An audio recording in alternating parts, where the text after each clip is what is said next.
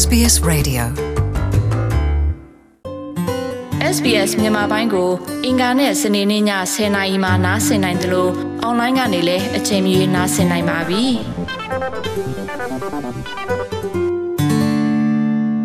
။တော်ရရှိမြခင် Queensland ပြည်နယ်အစိုးရရဲ့အဆိုပြုထားတဲ့အန္တရာယ်ရှိတဲ့ကိရိယာများဥပဒေမူကြမ်းက ငြိမ်းချမ်းစွာစန္ဒပြခွင့်ကိုအကန့်အသတ်ပြုလုပ်တာဖြစ်ပြီးယခုနိုင်ငံတွင်မှာမြင့်မားလာနေတဲ့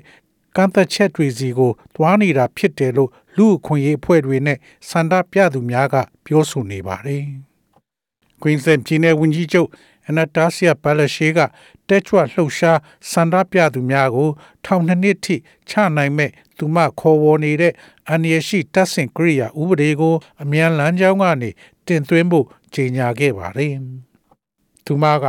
People want to protest. There are ways in which you can protest peacefully. But the use of these dangerous devices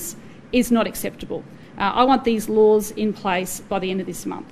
I think that's fair and I think that's reasonable.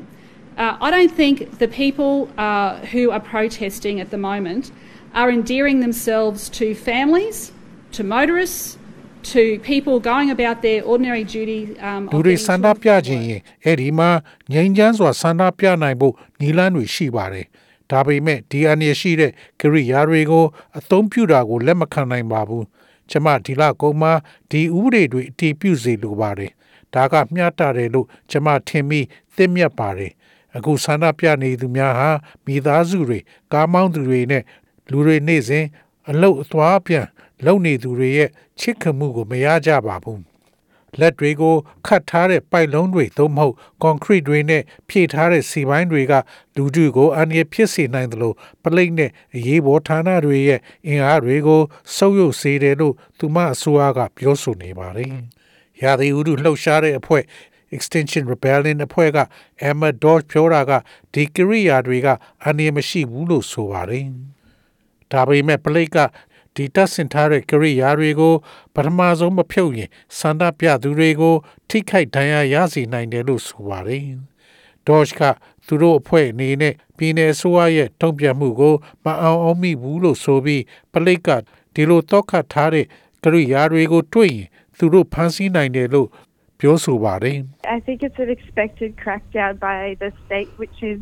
uh, understandably scared of mass participation, civil disobedience, and the economic disruption that that could cause, and the power that that has to actually cause system change. Um, and we know that this works. Um, ဒီ we've နေ့ seen it ဆိုရက throughout ဒါ history. မျိုးလုပ်မယ်ဆိုတာကိုမျှော်လင့်ပြီးသားပါသူတို့ကအစုပြုံလိုက်ပါဝင်ပြီးအာနာကို ဖီဆန္ဒမျိုးဖြစ်မှာစီးပွားရေးအပြည့်စီဖြစ်နိုင်တာနဲ့ဒီစနစ်ကိုဩဇာကြီးထွားလာမှာကိုကြောက်တာကနားလဲပါတယ်ဒါကအလုတ်လုတ်တဲ့ဆိုတာကို ကျမတို့သိပါတယ်ရာဇဝင်တစ်လျှောက်မှာကျမတို့မြင်ခဲ့ပြီးပါပြီဒီဥပဒေမူကြမ်းက New South Wales အစိုးရကပြုလုပ်တဲ့ rights to farm bill လို့ခေါ်တဲ့ဥပဒေနဲ့တိုက်ဆိုင်နေပြီးဒီဥပဒေကတရိတ်ဆန်များအတွက် တက်ကြွလှုပ်ရှားသူများလေယာစီးပွားများကိုနှောက်ယှက်ဖို့အတွက်ကျူးကျော်ဝင်ရောက်ရင်တက်ကြွလှုပ်ရှားသူများကိုထောင်ဒဏ်၃နှစ်အပြစ်ပေးနိုင်မဲ့ဥပဒေဖြစ်ပါတယ် Human Rights Law Center က Alice Dury ပြောတာကတော့ဒီဥပဒေကနိုင်ငံတော်ဝန်ကိုဥတီနေတာရဲ့အစိတ်အပိုင်းဖြစ်နေတဲ့အတွက်စိတ်ပူပန်းစရာဖြစ်ပြီး Australia ရဲ့ငြိမ်းချမ်းစွာစန္ဒထုတ်ဖော်နိုင်ခွင့်ကို ထိခိုက်နေစေတာဖြစ်တယ်လို့ပြောဆိုပါတယ် We're concerned that this trend uh, in undermining the right to peaceful protest is happening because governments are really embarrassed about what protesters are saying, and this issue isn't going away. These protests are a symptom of a much deeper cause. Uh, protesters are responding to the implications of the climate crisis, and governments can expect people will continue to come together to demand action. ငြိမ်း unless ချမ်း they စွာဆန္ဒ address ပြ the ခွင့် cause. ကိုဒီဥတီချက်ကထိခိုက်စေတဲ့အတွက်ကျမတို့စိုးရိမ်မကင်းဖြစ်နေပါတယ်။ ဘာကြောင့်လဲဆိုတော့စန္ဒထုတ်ဖော်သူများပြောဆိုချက်များကြောင့်အစိုးရတွေကတကယ်အဆက်ကွဲနေရပါတယ်။ဒီကိစ္စကပြောက်ကွယ်သွားမှာတော့မဟုတ်ပါဘူး။ဒီစန္ဒပြသူတွေကဒီထက်နည်းနည်းတဲ့အကြောင်းအရာတွေရဲ့အချင်းလက်လက္ခဏာတွေပါ။စန္ဒပြသူတွေကယာဒီဥဒုကတ်ဆိုင်တာရဲ့သိပ်ရမှုတွေကိုတုံ့ပြန်နေတာဖြစ်ပြီးအစိုးရတွေအနေနဲ့လူတွေဆက်လက်လို့ ပူပေါင်းလာကြပြီးတခုခုလှုပ်ဖို့တောင်းဆိုနေမှဖြစ်ပြီးဒါကိုသူတို့ကကင်တွယ်မှသာပျောက်ပြဲသွားမှာပါဩစတြေးလျနဲ့ကမ္ဘာတဝန်းမှာဆက်လက်လို့ရာသီဥတုအတွက်စန္ဒပြနေတဲ့အဖွဲ့တွေညွန်ပြနေတာကတော့ Global Extinction Rebellion တို့အဖွဲ့တွေကနှေးကွေးသွားမဲ့အရေးလက္ခဏာတွေတော့မပြသနေဘူးလို့ဆိုပါတယ်။ဒီတိုက်ပွဲဝင်မှုက Australian တွေအားလုံးအတွက်ဖြစ်တယ်လို့ Emma Dodge ကဆိုပါတယ်။ everyone living in stakeholder Australia should be concerned about these laws because these are targeted at people who are defending everyone's right to um, you know not face Australia မှာ extinction. နေထိုင်သူအားလုံးကဒီဥပဒေအတွက်ပူပန်းအလေးထားမှာဖြစ်ပါတယ်။ဘာကြောင့်လဲဆိုတော့လူတိုင်းအခွင့်အရေးဖြစ်တဲ့လွတ်လပ်စွာဆန္ဒပြမှုတွေမျိုးတုံးသွားမှာကို ခုခံကာဝယ်ပေးနေတဲ့လူတွေကို ပြစ်မှတ်ထားနေလို့ပါ။ဒီဥပဒေဖြစ်လာချိန်မှာပဲ ပြည်ထောင်စုဝန်ကြီးပီတာဒန်တန်က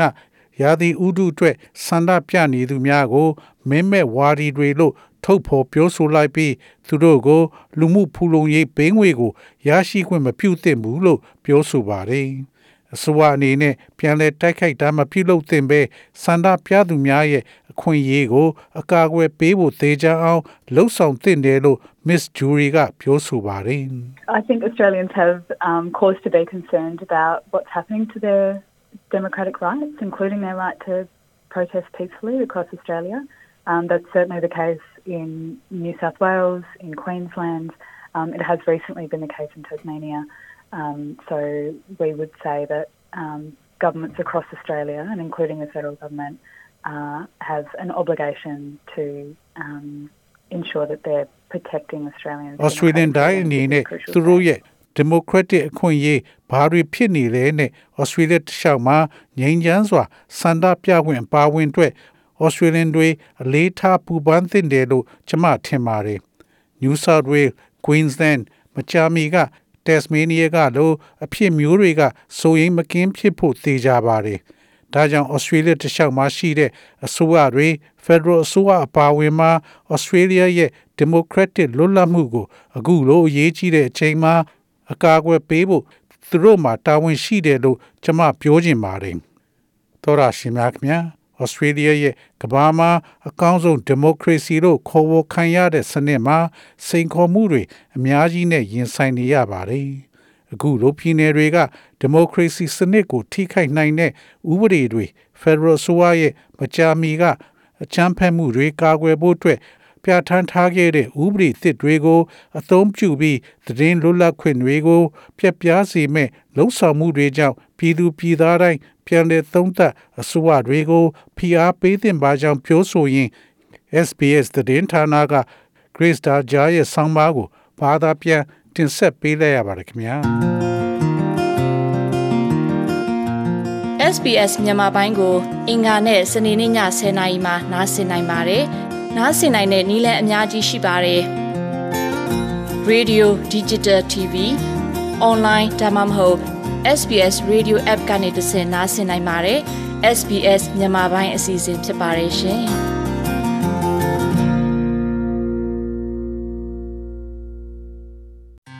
Enjoy more stories in your language by visiting sbs.com.au.